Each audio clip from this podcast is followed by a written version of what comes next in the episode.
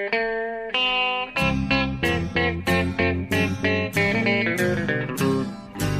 out there, we're on the air. It's hockey night tonight. Tension grows, the whistle blows, and the puck goes down the ice. The goalie jumps and the players bump, and the fans all go insane. Someone roars, Bobby scores at the good old hockey game. Oh, the good old hockey game is the best game you can name. Hallå, hallå, hallå, hallå, hallå, hallå, hallå, hallå, hallå, hallå, hallå, hallå.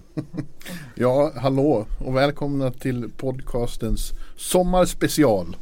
Ja. Eh, Jonathan Ekeliv och jag, Per Bjurman, är båda i Stockholm på redaktionen. Ja. Och eh, tänkte avbryta sommarstiltjen, bryta sommarstiltjen med ett litet specialavsnitt när vi ändå är, är på samma ställe. Du, det är inte varje gång. Det händer ju någon gång per år. Det var ju senast var ju när vi var i, i, eh, vid korresoffan i princip. Ja, i Detroit var vi väl. Ja, Detroit var vi också. Ja, precis. Det var ju på vår roadtrip. Ja, Men annars är vi vana att sitta, jag är van att sitta i ett konferensrum 10 meter här bort och stirra in i en vägg. Eh, när vi spelar in podcast. Nu sitter jag helt plötsligt en meter från Mr Beauty Biff himself. ja. Eh, det måste kännas skräckinjagande. Ja, det är nästan lite så här, oj oj oj, hur ska det här gå? Ja, jag undrar överhuvudtaget hur ska det här gå? Därför att man känner, man känner sig väldigt ringrostig. Det känns som det var extremt länge sedan vi gjorde det här.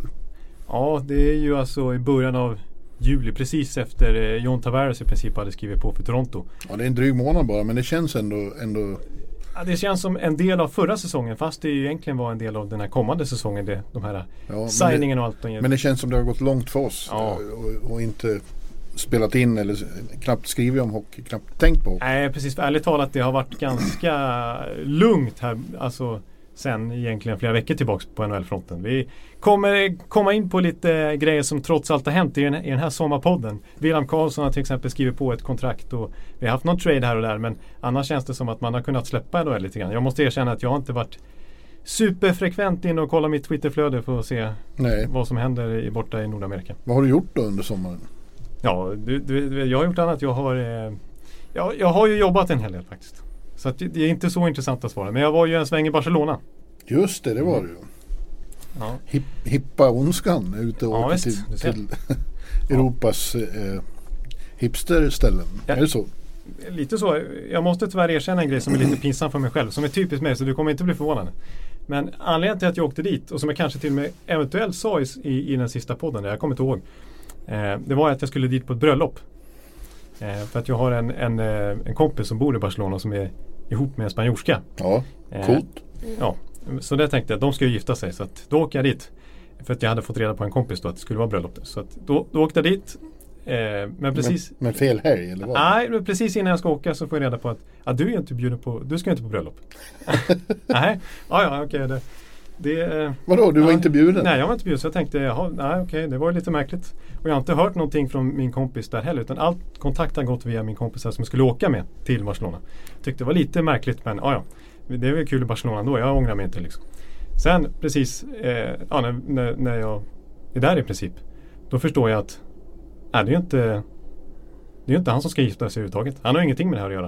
Det var ju min gemensamma kompis som hade en annan kompis som skulle gifta sig där. Klart inte jag inte var bjuden på det bröllopet. Så det hade ingenting med bröllop att göra den där resan överhuvudtaget. Vilken surrealistisk Ja. berättelse. Precis, så att det blev ju en, en, bara en vanlig liksom, semester där. Eh, men det var inte så dumt det heller. Nej. Så, eh, ja. Men annars så, ja, du har ju varit chef här på Sportbladet under sommaren. Till och från. Ja, sista veckorna så, så var det sån kris här på redaktionen att till och med Jonathan Onskan Ekliv fick rycka in som chef. Ja. Vi får se om, om det blir någon fortsättning med det. Men, eh, så det har varit lite småintensivt ändå trots allt eh, sommar för mig på det viset kan man säga. Ja. Själv då Bjurman? Du har ju varit här i Stockholm ett tag. Ja, i, i, så- i Sverige snarare sett. Jag har inte varit så mycket i Stockholm. Jag har varit här i, i Sverige nu i fem, fem veckor. Men jag har ju mest varit i Dalarna då. Mm. Och Borlänge. Och nu är jag i Stockholm en sväng. Och jo, det har varit väldigt lugnt. Jag har inte heller ägnat mig särskilt mycket åt hockey. Jag tycker det börjar kännas så här som vanligt i mitten av augusti. Att det börjar kännas som det var otroligt länge sedan man såg hockey. Det är nästan svårt att föreställa sig hockey. Ja. Eh, Ja. men eh, ja, eh, och jag kommer hit och känner mig lite bortkommen. In, inser, Sverige har förändrats så mycket Eh, sen jag Jaha. flyttade. Så jag är mer bortkommen här än, än i USA. liksom. Du känner dig helt vilsen här? Ja men så, vi har land? swish, vi har ingen swish och vi, Nej, vi använder kontanter och det blir konstigt med kort och jag vet inte längre hur man betalar in sig på tunnelbanan och sånt. Jag är just riktig turist här alltså. Du vill ha sådana här stämpelkort liksom? Ja, så jag ja. förstår inte vad folk håller på med blippar med för något skit liksom. Ja, Nej, ni är så jävla moderna här. ja. Swish, det, det kommer dröja ett tag innan det dyker upp i USA och liknande. Ja det skulle jag tippa att det gör. Ja, det känns inte som något kontanter som- i tio år till minst. Ja, vi, det, kontanterna är inte det, på minsta vis på väg Nej, bort. nej, nej, det har jag märkt när jag åker på mina resor dit. Så. Ja. Och dessutom har ni ju nya liksom, mynt och, och sedlar här som jag inte känner mig bekant med. Nej, du ser. Framförallt mynten fattar jag ingenting om nu. Nej, det, det måste jag erkänna att det gör inte jag heller. Så. jag, jag, jag, jag vet inte hur länge sedan det var så jag hade kontanter i plånboken faktiskt. Är det sant? Men du ser, jag är supersvensk här. Ja, du är ju det. Det är många som är precis så. Och jag känner mig då lite vilsen här. Men eh, ja, titta här nu då. Peter Wennman tittar Nu in. sitter vi i poddrum här och Peter Wennman av alla kommer in. Det är ju två superlegendarer. Han vill ju in. Ja. Ja, han kom, nu kliver Peter Ja, Wennman nu in. kommer du in i podcast. Ja, Ja, det visst. det. Vad trevligt att se Peter Wennman här. Är det bra? Det här är Ja, det är ett stort möte alltså. Men du är väl kvar ett tag så jag kan komma ut och Ja, det träffa dig? kommer bli långt. Jag ska stålsätta mig mentalt och göra reseräkning. Ja. Det kommer ta tid. Men nu ses vi om en stund. Stort. Ja. Peter Wennman Ja, kliver in. legendariskt. Det är superlegendariskt. Jag känner mig otroligt liten här måste jag säga. När, när Bjurman och Peter Wennman kommer och hälsar på varandra. Ja. Ja. Men eh, vad, vad tyck, vad, jag har sett att du har noterat, alltså, trots att du bor i, i New York där det kan vara varmt har Mm. vi förstått så, så måste du ändå, jag såg någon, eh, något inlägg från dig om att eh, Ja, man har ju försmäktat i denna eh, Death Valley-artade hetta Ja. i Sverige i år. Visst, det är ju het, är ännu hetare i New York, men där har vi i alla fall air conditioning. ja, det kan de ju i USA. Så, så man tänker inte på det på samma sätt. Är man inomhus så är det svalt. Ja. Det är det inte i gamla stenhus i Borlänge Nej, på precis. Hagalund. Hur man än har fönstren öppna och vädrar och står i så ligger man och flämtar där. 40 grader. Ja, det är helt, har varit helt otroligt på det sättet. Jag tyckte att du flydde därifrån ett tag till och med. Så jag tyckte jag såg något inlägg om att du, nej nu, nu får det vara nog. Nu måste jag iväg. Nej, inte att jag var ute i skogen och så. Och sökt svalka. Ja, du tänkte så. ja. Nej men du, eh, ska vi komma in på lite, försöka sätta oss in i, i NHL helt plötsligt här igen? Nej, Nej vi jag tycker det var trevligare att bara Det var prata om som... Ja, exakt. Ja, nej, vi ska väl prata, vi ska väl prata lite hockey. Eh, och eh, ja, det som st- st- det största som har hänt är det som inte har hänt skulle jag vilja säga. Det Alltså, var ju så ja. otroligt nära och vi började prata om Summer of 65. Eh, det. att, att Erik Karlsson då var ju bara, återigen kändes det som bara en, en hårsmån från att bli eh, tradad till Tampa var det ju framförallt det pratades om. Då med du höll på att svimma. Ja, jag höll på att svimma på den där. Och jag tror den, den förlösande faktorn till att jag faktiskt i princip svimmade det var ju Dels så kom det ju tweets från eh, lokalreporter att det var så gott som klart. Ja. De var överens klubbarna. Ja. Och sen så när dessutom Erik Karlsson började följa Steven Stamkos på Instagram. Då var det ju klart. då, då svimmade jag. ja. Men, eh, Men sen hände liksom inget och sen har det helt svalnat. Det är inga rykten, ingenting nu. nej precis. Från att det var eh, kontinuerlig uppdatering timme efter timme minst. Ja, Och det var Dallas dagen innan och det var eh, tre, three-way deal var det snack om. ja fler och det kändes som jag, törs, jag vågar knappt gå ut för nu smäller det snart och måste skrivas krönikor och få tag i honom och så. Exakt. Jag kommer ihåg när du skulle flyga hem till Ja. Sverige. Det var, ju, det var ju inte bra alltså att det skulle vara off i liksom flera timmar då på ett flyg när, när. Karlsson kommer bli tradad. Precis. Men eh, nu sitter vi en dryg månad senare och som sagt eh, sista veckorna så är det, det har inte varit ett endaste knyst. Nej. Eh, och just nu känns det inte som att det Frågan är vad, vad, vad kommer att hända då? Kommer han att vara kvar i Ottawa som han ju har tackat nej eh, ja, till ett bud? han, han kommer inte vara kvar i Ottawa. Alltså i alla fall inte. Det kanske blir så. Ja men kommer han att vara där i Ja, höst? ja precis, det är ju det som är den stora frågan. För han, han har ju tackat nej till bud och det är med Melnick som ägare så är det helt omöjligt att han kommer stanna. För vi har ju sett nu på kontrakt som till exempel Tavares skrev och som andra har skrivit. Dels är det enorma summor men också så enorma no- eh, sign-on bonusar. Mm. Och den typen av klumpsummor det kan ju en, en budgetlag som Ottawa inte betala ut. Så det är helt kört att han stannar där.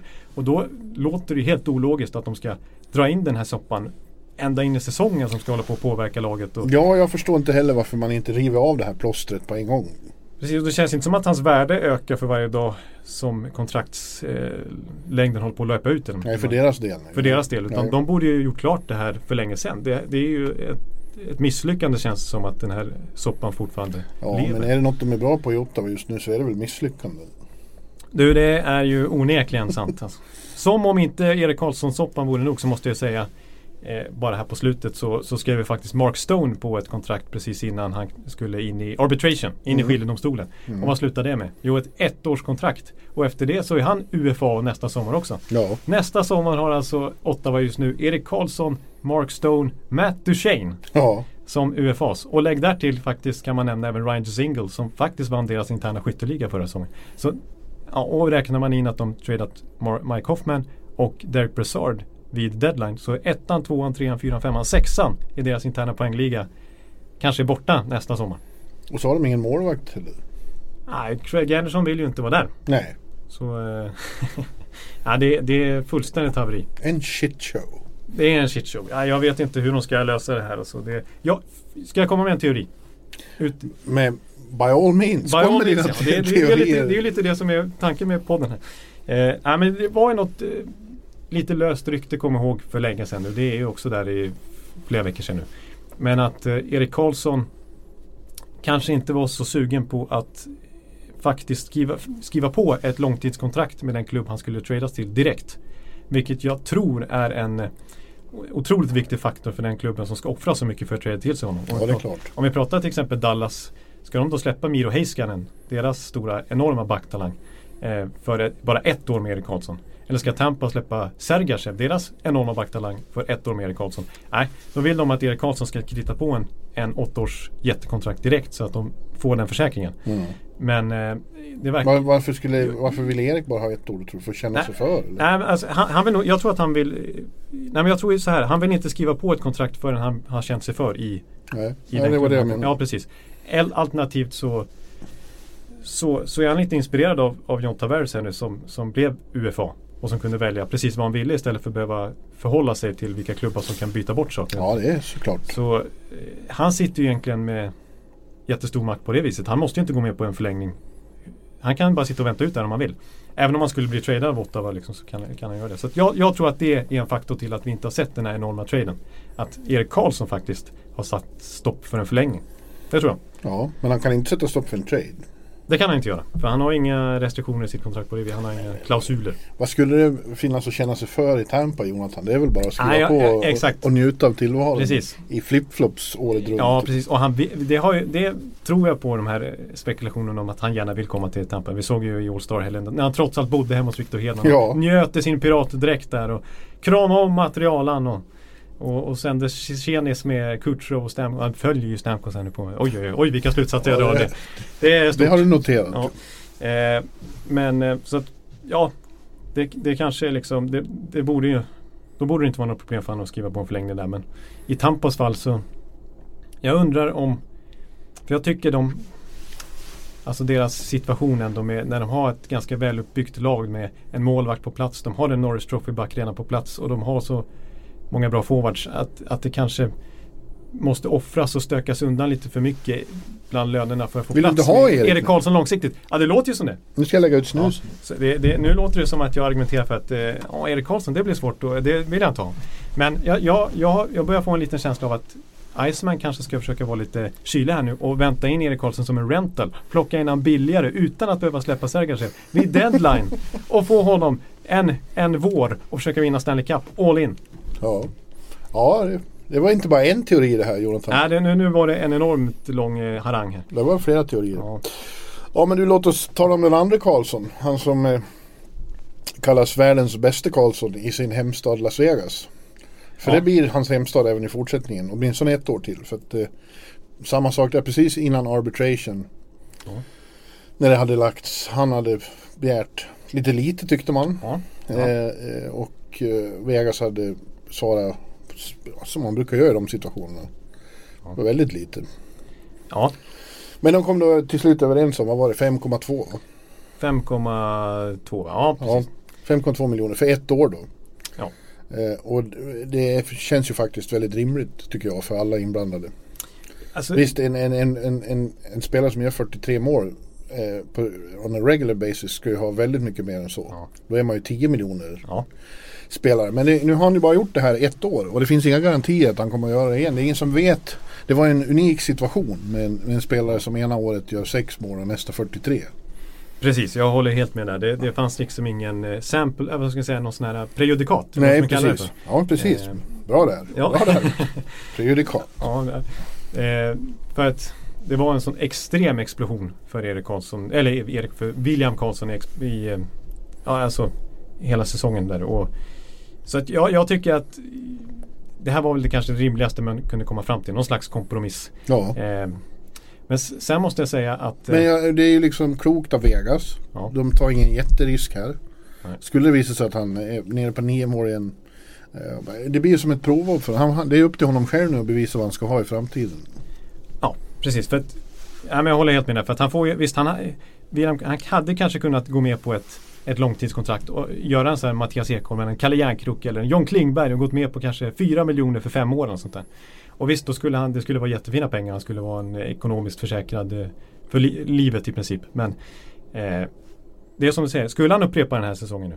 Alltså nästa sommar när han sitter i, Mm. som RFA igen. Då är det ju 8-9 miljoner åtminstone. Är han RFA då igen?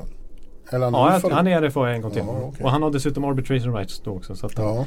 Men eh, ja men låt säga att eh, det är väl det är väldigt mycket att hoppas på att det ska bli över 40 mål. Men låt säga att det visar sig att han är en 30 målspelare i alla fall.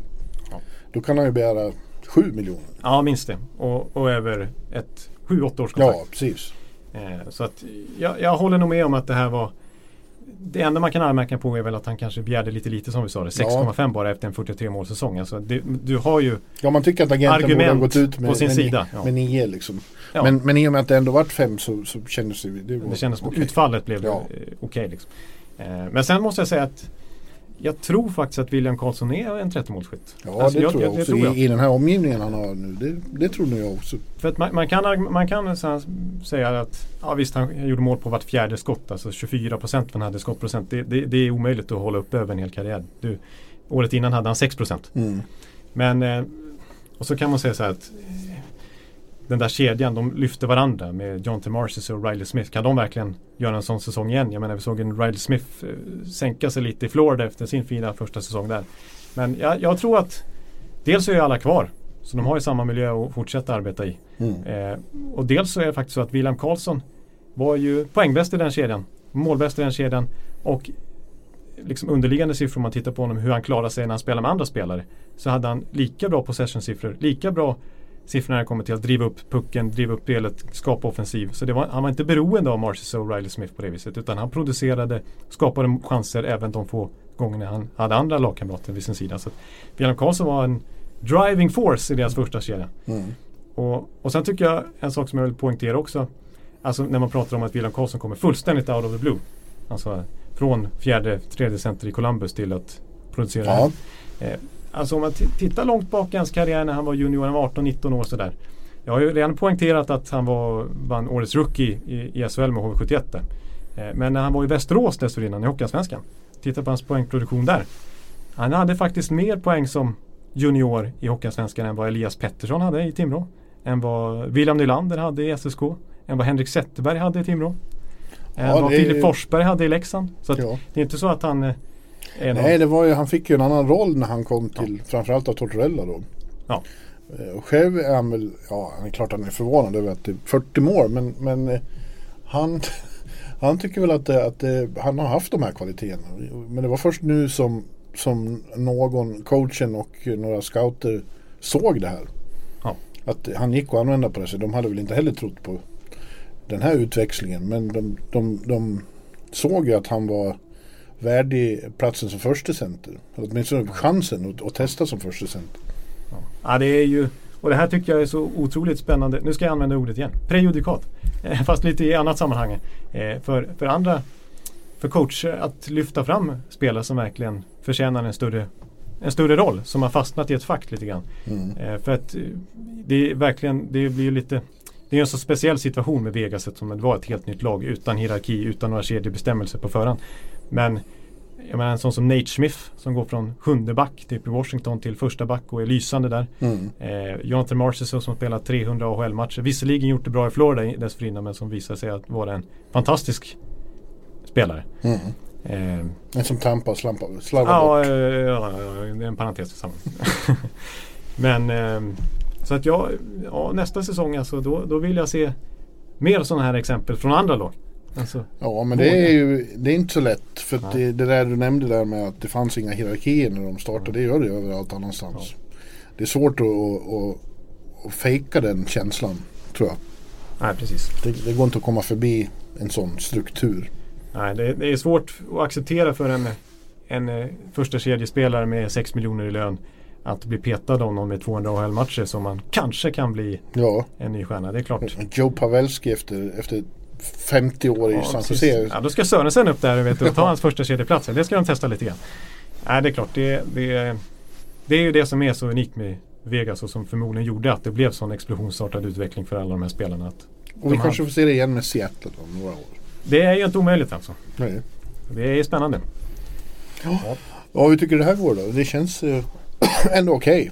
Det känns lite Ja, konstigt Okej tycker jag. faktiskt. Ja precis. Det, det, det var ett tag sedan som man satt och snackade NHL. Det måste jag säga. Ja.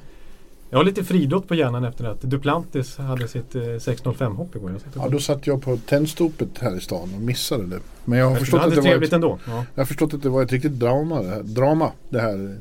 Ja, jag kan ju inget om stavhopp men eh, jag blev lite skakig när han rev på 5,80 och tänkte att det här blir ju en femteplats. Och sen så bara flög den där 18-åringen över liksom hopp efter. Ja, det var Det var eh, stort. Faktiskt. Härligt. Jaha, men du vad har vi mer då? Det var ju eh, några trader eh, sen vi tar oss vid Ja. sist. Ja. Eh, Eh, Det kanske mest anmärkningsvärda är väl Jeff Skinner. ja. Mm. Slutligen, han har, han har varit tradebait känns det som i 4-5 år. Ja, det har varit spekulationer länge. Ja. Ja, exakt. Det hetat varje år att de är på väg och ska eh, trada bort honom. Och nu gjorde de det då till Buffalo. Ja, ja, jag tycker det är en Det var ju supertrade av Buffalo.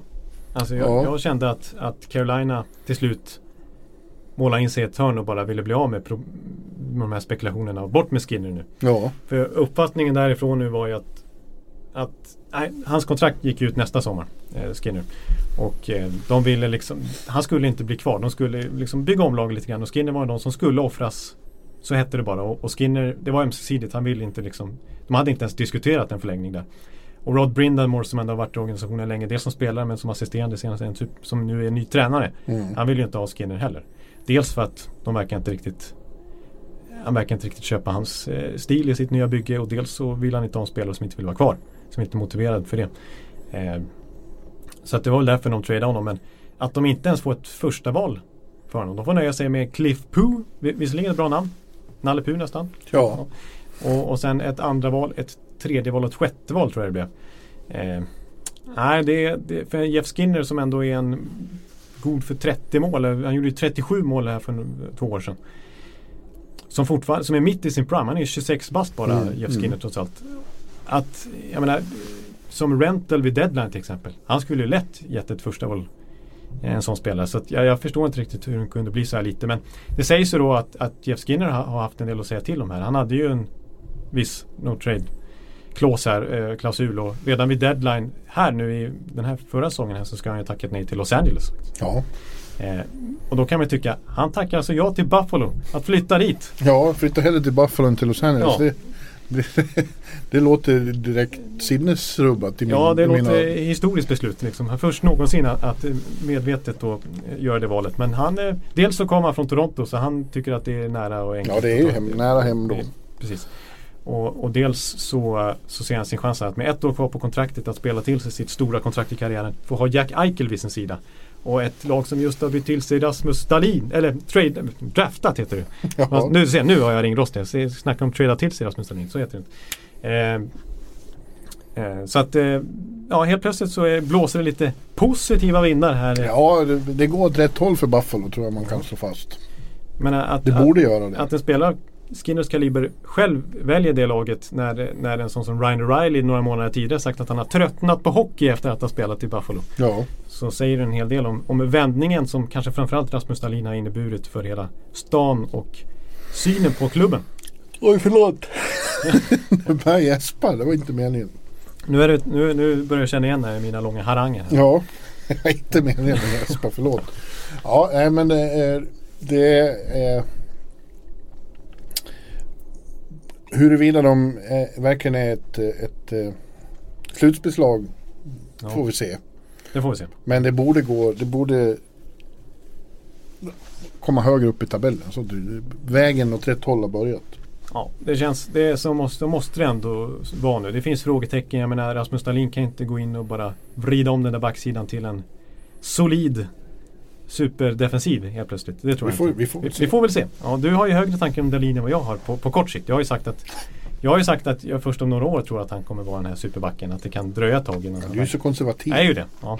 Och sen så är jag lite osäker på Carter Hutton där också. eh, Att han Ja, det är verkligen- lite målvakt känns inte så hett. Nej, det känns inte som... Det finns lite Scott Darling-känsla där att det kan... Man vet inte. Men det är eh, Linus Ullmark får Ja, då kan det. Ullmark. Vet du. Och nu sa du rätt. Nu sa du Ullmark istället för vad jag brukar säga. Ullbrand. Ja, Vår, vår lyssnare brukar blandas in som, ja. som målvakt i Buffalo Sabres. Men, ehm, men offensivt nu när vi pratar. Vi, alltså, eh, vi har ju... Botterill har ju även plockat in Sherry. Eh, sen tidigare har de ju Okposo och de har eh, Sam Reinhardt och de har... Och jag menar Mittelstadt kommer ju upp nu också. Superintressant. Skulle Mm. vara en potentiell Calder-vinnare han också. Och de har fått lite bredd i form av Berglund och Sobotka och sådär. Och Tage Thompson, Tage Thompson som kommer i den St. Louis-traden också. Så att de har ju fyra, i alla fall tre bra kedjor. Ja. Två riktigt bra kedjor. ja det, ska bli, det ska ju bli väldigt intressant följa dem i alla fall. Det, det är första gången man ser fram emot att titta på Ja, Buffalo. Att man aktivt kommer välja dem kanske. jag tror inte jag har varit i Buffalo på tio år. Så det, men det kommer det att bli ändring på nu. Det, det, är så, det är så pass alltså. Ja. Ja, det är väl klart jag kommer att vara i Buffalo. Ja, det, ja men det är klart du kommer. Ja, ja, det, På- det, på premiären. Du, kommer ju vara där direkt. Men det, det har gått tio år sedan. Så det är klart. jag tror det. De har ju varit så usla ungefär i tio år. Ja, det, det har inte blivit några resor till Buffalo fast det egentligen är rätt nära. Ja, det är samma stat. Ja, men det tar tekniskt. åtta timmar att köra Ja, dit. det, är, det är en inte- märklig balans där egentligen. Hur Ja. staten är uppbyggd. Normally, being a little extra can be a bit much, but when it comes to healthcare, it pays to be extra. And United Healthcare makes it easy with Health Protector Guard fixed indemnity insurance plans. Underwritten by Golden Rule Insurance Company, they supplement your primary plan, helping you manage out of pocket costs without the usual requirements and restrictions like deductibles and enrollment periods. So when it comes to covering your medical bills, you can feel good about being a little extra. Visit uh1.com to find the Health Protector Guard plan for you. Ja, du. Har vi mer då? Det är några stora kontrakt som har skrivits.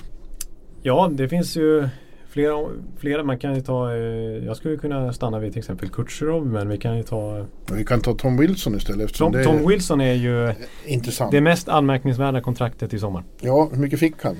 5,17 miljoner för, var det, sex år? Ja, långt kontrakt. Och det skrattar alla utanför Washington åt. Men Washington är mycket nöjda. Det är helt enkelt så att de värderar Tom Wilson mycket högre än vad resten av världen gör. Det bara är så.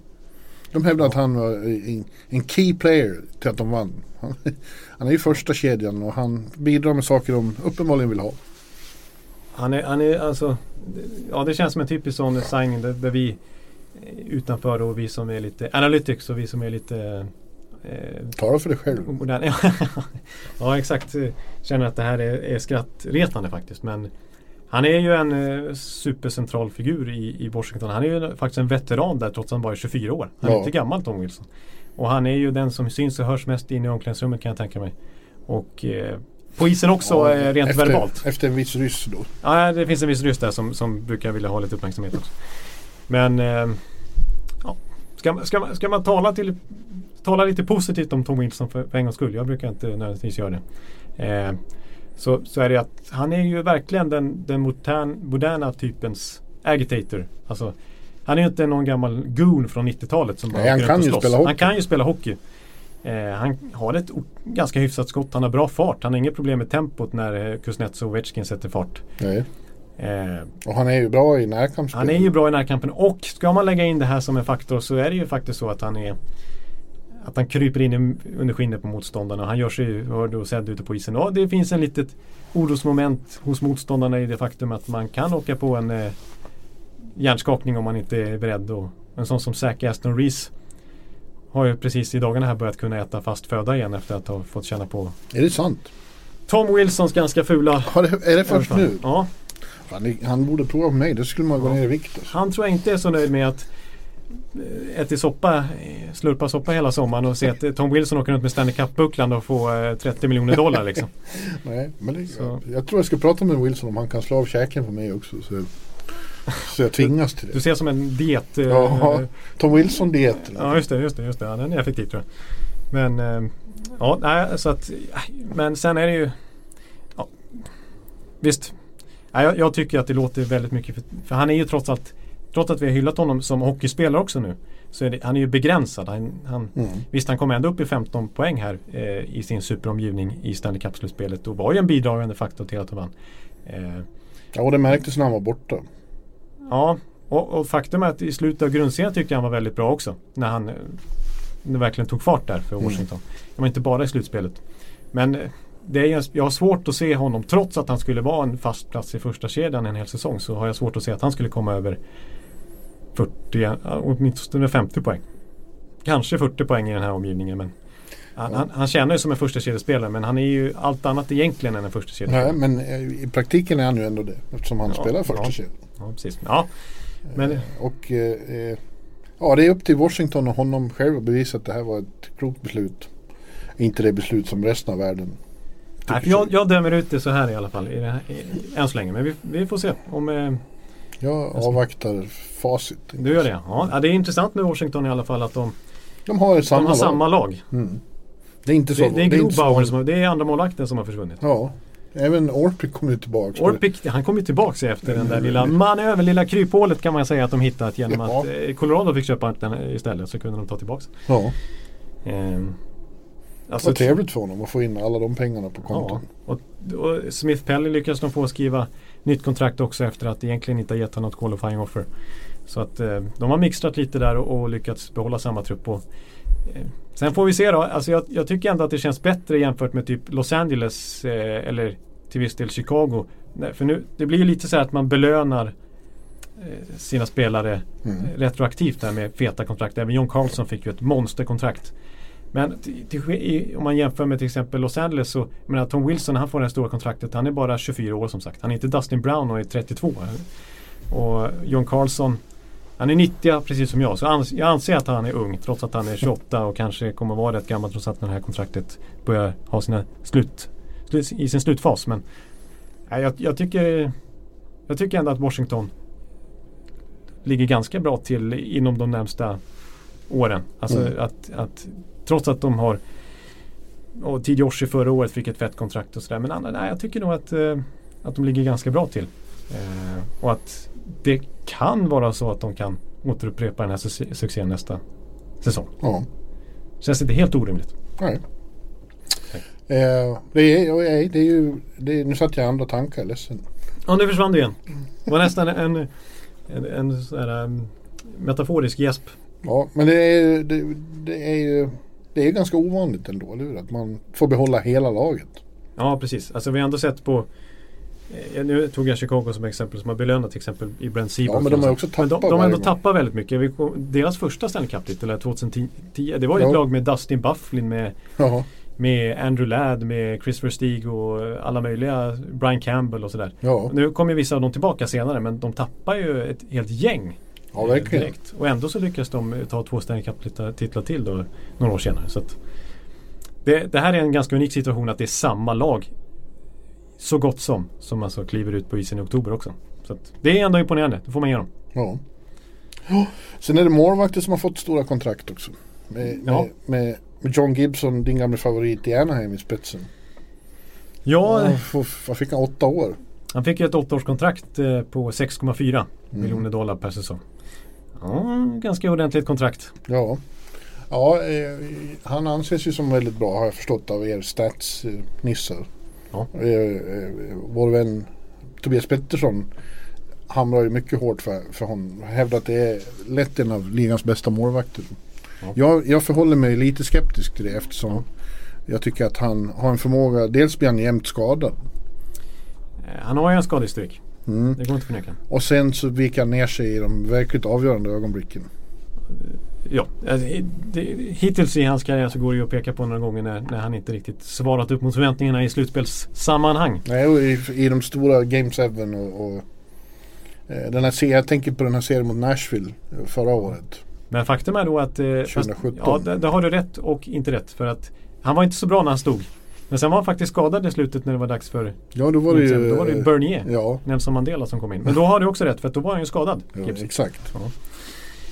Så eh, ja, det, det, han har ju lite ljumsk och höftproblem och sånt där. Men nu har de ju slagit fast när de skriver åttaårskontraktet att nej, det, det är ingen fara. Han är fit. Det, Ja. är, det är ingenting som, som vi oroar oss ett dugg över. Eh, och Sen så kan man ju peka på, ja fast han gick ju faktiskt av ganska många matcher förra och han fick bytas ut många gånger på grund av skada. Inom loppet av bara några matcher så byttes han ut tre gånger på grund av skada. Mm. Eh, Men det säger de att nej, det var mer precautionary. Vi hade Ryan Miller så att vi behövde inte riska någonting. Och ni såg ju, han spelade ändå 60 matcher förra säsongen. Så att, nej, det är inga problem. Och eh, Kollar man statsmässigt, eh, Tobias Pettersson vill ju titta djupare sen. Men ska vi ta en sån enkel statistik som bara räddningsprocent. Eh, så är det ju faktiskt så att eh, Ja, det, här, det, det här behöver inte säga så mycket egentligen. Men över alla NHL-målvakter genom tiderna som har stått minst 100 matcher eh, i, i, i ligan. Eh, vad de har för räddningsprocent totalt sett över sin Mm. karriär. Då är eh, John Gibson etta. Jaså? På 92,3 tror jag han ligger på. Eh, sen eh, gör ju den här statistiken att det kanske inte säger så mycket för du kan inte gissa vem som ligger tvåa. Nej. Philip Grubauer. Ja. Men trea däremot, det säger väldigt mycket om den här målvakten. Dominik Hasek. Trots att han stod på 90-talet och 80-talet egentligen och 2000-talet. En svårare era för målvakter. Så, Jag tror att Gibsons agent har, har pekat på ja, här jag tror han har pekat på att kolla vem som har bäst räddningsprocent genom tiderna i NHL. Ja. Ja, det är jag. Det är min klient det. Det är Gibson. Ja. Så det har han nog kikat på. Eh, och gjorde att han fick det här feta kontraktet. Men jag, jag personligen, jag tycker att eh, Visst, det är lite läskigt att ge åttaårskontrakt till en skadebenägen målvakt. Men han är ung, han är bara 32 år när kontraktet eh, löper ut. Eller 33 rättare sagt. Eh, och 6,4 miljoner dollar låter kanske mycket så som vi, våra hjärnor är inställda nu de senaste åren. Men, men, men eh, Min hjärna är inte den, inställd den är på inst- inte inställd på dollar som flyger runt här. Men, eh, lönetaket höjs ju hela tiden så att 6,4 miljoner dollar är inte så farligt. Så att jag skulle vilja säga att en annan målvakt har skrivit ett värre kontrakt i sommar. Och det är Marc-André Fleury. Ja, för där pratar vi om en... en, jag en skrev om fem år. Han skrev faktiskt bara tre år. Tre år. Eh, bara tre år. Men eh, det kontraktet börjar gälla först nästa sommar. Så att han har ett år till här med, på sitt gamla kontrakt med Vegas. Ja. Men sen så, så att det är i praktiken fyra år kvar i Vegas då. Och visst, han gjorde en otrolig säsong. Det går inte att komma Ja, på. Eh, och, och sådär. Jag, jag tycker kanske inte Han man ska- tog dem till final. han tog dem till final. Och jag tror inte man ska underskatta kanske det faktum i ett så ny klubb som Vegas också. Att han är ju deras fixstjärna. Ja, Alltså vi kan ju prata om Wild Bill här i Sverige. Men pratar du med random Vegas-bo Ja. så tror jag, skulle de peka på någon spelare de känner till i Vegas så är det väl, ja han får ju överlägset mest jubel på line-up och så. ja, han är ju deras guy liksom. Ja, Eh, så att, och det är, kom- det är ju kommersiellt riktigt att ge, se till att han är kvar. ja, ja, han är ju den person som han är liksom. Han är ju en stjärna på alla sätt. Mm. Eh, men när det här kontraktet börjar gälla då ska han fylla 35 den hösten. Och han ju, generellt sett i karriären, så där pratar vi om en målvakt som kan vara lite upp och ner. Han är ju inte helt eh, stabil alla gånger men förra säsongen gjorde han ju sin bästa hela karriären på ålderns höst. Så att det är väl därför de belönar honom. Men det är ju lite riskabelt tycker jag att, att, att skriva det här jättekontraktet med honom så här långt i förväg. Mm. För jag tror inte det hade blivit någon hugg, huggsex som Mark-André Fleury nästa sommar annars ändå. När han är Nej, så nej, pass det har du såklart rätt i. Och, och 7 miljoner dollar per säsong. Det är ju ingen, det är inget fynd de gjorde att skriva det här kontraktet så här långt i förväg heller. Utan det har väl landat på ungefär 7 miljoner max nästa sommar också. Om det hade blivit huggsexa tror jag. Så att det, var, det var ett dåligt sätt att skriva kontrakt med Mark-André Fleury. Tycker jag verkligen. Men samtidigt så förstår jag att de jättegärna vill ha kvar sin stora fixstjärna och binda upp honom några säsonger. Även fast han är gammal. Ja, Det kändes som att jag tog tillbaka lite med du brukar ju göra det. Ja, jag brukar- tendens. För, ja, det brukar bli så att jag garderar mig på båda sidorna ungefär. Ja, eh, hade Helleback också va? Hellebucken. Helleböken. Just det. Eh, Ja, han, han, men han förtjänar ju det. Han, Han- var, han ja, är ja. ju ung och eh, framtidsman.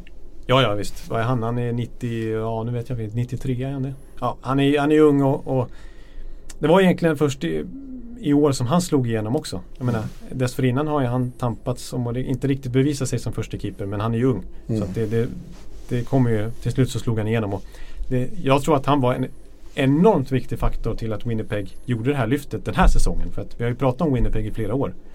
Och så till slut så, så blir de så här bra. Mm. Eh, det var ju jätte till stor del av att de fick en målvaktsspel som gick att lita på. Så att man fick han 6,1 tror jag för sex år och sånt där. Och det tycker jag är, är, det, är, det är snarare på den fyndsidan än på att det skulle vara pricey tycker jag. Ja, Alltså det, ja men det, för, och det, förtjänar, det förtjänar Hellebuck. Hellebucken som, som ju hård mot Fleury och sa att jag skulle aldrig byta till mig hans spelstil. Nej, titta nu kommer Thomas Roos också. Thomas Rosen, du ser vilka, vilka du, du vet, det, det är, vi, jag känner mig lite som ett så här att man sitter på ett zoo i ett akvarium här. Ja. Och det, folk kommer att titta på, och, och, och, och ser att det är en ovanlig art som sitter här på andra sidan. eh, Per Bjurman är i Stockholm liksom. det, det vill man ju se. Ja, en grobian från Ja. Borlänge. Ja, ja, ja. Ja. Men du, eh, en annan eh, eh, ett annat samtalsämne här under sommaren, sensommaren, är Henrik Zetterberg. Och Ja. vad som händer med honom och Detroit om han kommer att spela vidare eller inte. Det finns eh, Han har inte ett klartecken än på att, eh, att han kommer att spela. Han har tre år kvar på kontraktet och det var ju ett sånt där jättelångt då. Ja. Nu tjänar han tre den här säsongen och sen en, en och en på de två sista åren. ja, just det. Eh, och eh, det, han har ju tydligen problem med ryggen igen då. Ja. Det, det, så ja, jag vet inte. Vi kan bara spekulera. Ja, precis. Det känns ju lite Känns lite tråkigt. Om det skulle bli så att han får lägga sig här, av sig här i förtid. Ja, Men eh, jag, jag, Ja. Men han, låt mig säga så här. Det hade nog varit lättare att hitta inspiration om, om Detroit hade gjort lite mer under sommaren. Ja. Men de tänker ju ställa ungefär samma lag på isen igen. Och kommer inte att gå till något slutspel nu heller. Ja precis, jag, jag, jag håller helt med där. Nu ska Zetter motivera sig att eh, försöka re- rehabträna och få ordning på den här ryggen på ålderns höst. eh, För att komma tillbaka till ett lag som gärna slutar i botten av tabellen. Ja, Visst, de har, tagit, de har förlängt med Mike Green och de har tagit in Thomas Vanek och de har lite tur i draften och fick Filip Sadina. Men på kort sikt här, det hjälper ingenting. nej. Och i den divisionen de spelar med Det är bara Ottawa som kan komma bakom dem. Ja exakt, för vi pratade ändå, du, vi pratade om Buffalo här tidigare som är på uppgång. Ett Florida Panthers som var en poäng från slutspel förra året, det glömmer man Ja. bort lite grann, som jag tror kan vara med och utmana. Och så har vi ju Buffalo Tampa, eller Boston Tampa och Toronto i samma division. Toronto ja, som ju verkligen är... Ja. Och, så Montreal då. De kanske inte heller... Nej, men, eh, De, ja, är jag- bättre än, de ser bättre ut än Red Wings. ja, de har ju, ja det, det borde de, ja där får vi se. Mont- Montreal är också ett, ett diskussionsämne på sätt och vis. Men, eh, nej, nej det, det känns ju som att det bidrar kanske till att Zetterberg Ja, men jag håller med. Det skulle vara jävligt tråkigt. Överhuvudtaget skulle, tycker jag det skulle vara svintråkigt om han slutar. Vi, vi har ju haft en väldigt bra relation under de här 12 åren. Ja, precis. Han är ju en... Eh, bara en sån sak som att han är en eh, fellow storsnusare precis som här Biffen. Ja, fast det han har slutat med det. Har han lagt ner med den? Ja, Det var det värsta jag hört. men förr så, ja, han får inte femma tror jag. Är det så pass alltså? Ja. Eh, men eh, ja, Ni hjälpte väl till att frakta snus till varandra ungefär så här, från, från Sverige? Ja, precis. Ja. I, I Sochi fick jag ju en hel, när han åkte hem så lämnade han kvar en rulle, rulle åt mig. Ja, du ser. Ja, precis. Det är, det är snyggt gjort. Ja, Men eh, nej, ja. Men, men sen, är ju, sen är ju kontraktet uppbyggt så här också så att som kanske gör att det ändå är jag menar, det, det var ju så de skrev kontrakten på den Ja. tiden. Att, att det var väldigt lite på slutet. och det är inte så, han behöver inte pengar. Han är, Nej, han, är, han, han har så att han, så att han klarar sig. Ja. Han skulle kunna börja snusa igen rent ekonomiskt. Ja, Det kanske inte var- Även om det är jävligt dyrt att snusa nu så tror jag han klarar Han det. klarar det va? Ja, vi får se. Jag, jag hoppas in i det sista på att eh, Kapten Z återvänder. Ja, precis. Och, alltså, med Detroit i den situationen de är i. Om rent hypotetiskt, om man skulle orka spela någon, någon säsong till. Skulle inte de kunna behålla halva hans lön och skicka han till någon contender och sånt där? Ja, Alltså- det, det vet ju fan om man vill. Nej. Han är, han är så rotad i Detroit rent Ja. eh, socialt och sådär. Ja, men det var rätt. De kunde skicka honom till Tampa. Ja men alltså Zetterberg... En, för, Zetterberg i Han- en Tampa-tröja, det kan jag inte se. Nej, det, jag kan inte se honom i något annat än rödvitt. Nej, Han det är bara- alltså, otroligt svårt. Visst, man har sett han i landslagströja men annars är man ju van med liksom Timrås tröja som ser ut ungefär som Ja. Detroits också. Så det, Tänk inte med eller Vegas eller Rangers. Nej, det går inte. nej, det går inte. Nej, det, nu, jag tar, tar tillbaka den tanken rent, bara för att det blir för mycket att hantera i skallen. Toronto kanske, så han får återförenas med sin vän Mike Babcock. Ja, just det. Det vill jag. Uff. Ja, det där vill inte nu. Om Zetterberg satt och lyssnade på det här nu mot förmodan då skulle han stängt av. eh, precis här för fem sekunder sedan. Ja, det skulle han. Ja, ja. Du, eh, vad har vi med? Ja, vi hade ju Bucklan i, i, i Sverige här i veckan. Den var först hos eh, eh, Burra i Malmö. Och sen Ja. har den varit i Gävle för första gången någonsin. Ja, precis. Gävle Valbo. Eh, för att, eh, ja, det, konstigt nog så tror man ju att ett sånt eh, hockeyfäste som Gävle att det skulle ha, men de som har tillhört Brynäs och vunnit förut, de har tagit dem till andra hemstäder. Ja. Fagersta och Sundsvall närmast. Ja. Ja. Sandström och Näslund då. Eh, men nu, nu kom den dit och det verkade ju ha varit väldigt uppskattat. Och, Ja, precis. Nej, det, det, och det var lite, jag borde ju kanske ha tagit mig dit. Jag har ju lite rötter i Gävle. Far- Farsan är därifrån. precis, jag tänkte fråga varför var det inte Nej, det? precis. Nej, jag, det, jag måste säga att jag, eh, jag var lite dum i planeringen där. Och sen så hade jag tänkt att jag åker ut i skärgården här på lördag. Så bara oj, nu kommer ju Stanley Cup-bucklan hit. Och Kunde du ha klämt en match med ditt gloriösa Gävle IF också kanske? Ja precis. Nej, Gävle IF är ju tyvärr in, ingen, ingen stor underhållning just här nu tyvärr. Det är nästan division 1 norra snart från superettan på dem tror jag. Ehm, Men ehm, Ja, ja så Apropå- kunde ett alternativ var att du hade åkt till Norge och sett utomhusmatchen på Ullevål med Team Z. Ja, Eller eh, Team Henke. Zuccarello och Ja. Henke och Peter Forsberg var ju med. Foppa var med. Jag såg bilder när han slog några briljanta passningar. Ja, ja, jag, jag, måste säga att jag, där missade jag lite grann också. Det var också ute i skärgården och, och, och gick miste om hockey som faktiskt spelades. Lite oväntat då att, att, att det är hockey i Oslo utomhus på Ja. Ullevål där mitt i sommaren. Jag hade ju tänkt att, att vara på den där matchen ursprungligen. Prata Ja. om det i vintras men nu när det närmar sig så nej, jag orkar inte åka. Jag blir så jävla lat när jag är hemma. jag vill inte åka någonting. Jag vill ligga i soffan och läsa böcker. Ja, ja det blir ju så här i, i Sverige. Ja, När jag ber om ursäkt. När du är i, i, i New York då är det nästan tvärtom. Att du blir, du blir ju rastlös så fort Ja. du inte har jobb. Ja, Om du inte får köra bagavåkning Monumentalen några gånger per månad nästan då, då, då rullar inte livet som du vill. Ha Exakt. det. Du trivs inte. Nej men nu har jag kommit bort från det. Jag sa ju det när vi, när vi skulle börja gå på semester. Jag tycker inte om att vara ledig. Jag vill Nej. ha, ha Jag stressen. var lite orolig för det faktiskt. Jag vill ha stressen och, och eh, nerven, Pulsen. pulsen. Känna att jag lever. Men, och nu, men nu har jag hamnat i den här jävla... Äh, ja precis. äter wienerbröd och läser böcker. Ja, precis. Jag orkar inte göra något. Och det smyger till sig en, gäsp här i NHL-podd 205. Det är den här första gången tror jag. Ja. ja men det här kommer snart att bli ändring på. För snart ska vi... Nu var ju det här som sagt en sommarspecial. Och det är inte så att vi kör varje vecka nu. Men det Nej. kommer vi igång med i september. Ja men då kör vi väl våran, eh, vi brukar ju ha en sån här preview-poddar där vi går igenom division för division. Ja, Eh, och då, ja och sen börjar träningsmatcher. Ja, ja, ja. Då börjar träningsmatcher. Då är camperna i full gång och det finns massor med diskussioner och, och, och sätta tänderna i. Vi har faktiskt eh, några spelare kvar här som vi kommer behöva diskutera också. Alltså, eh, William Karlsson har inte, eller William, William Karlsson. William Nylander har fortfarande inte tecknat på något nytt kontrakt. Nej, Det är lite spännande. Han är RFA fortfarande. vi ska se. Eh, Ja, Och nu är du uppe i, i schemat och kollar här lite grann. nej det är inte alls det. Jag, jag kollar på... Jag har ju redan börjat skicka dig eh, sms om vilka som går till final och så. Ja, just det. Just det. Det första som för säsongen, vad- stod det i den nu? Det är Eh, det jag försöker hitta här. Ja, du, du hade något där med Calgary. Då kändes det som att nu, nu ligger du... Nu, nu, Calgary, Toronto. Det är Calgary de, Toronto hade som ett förslag. Ja. Ja. Nog för att eh, Calgary har ett spännande lag på gång här nu med några fina justeringar som vi kommer komma in på i vår preview av Pacific-divisionen kan jag tänka mig.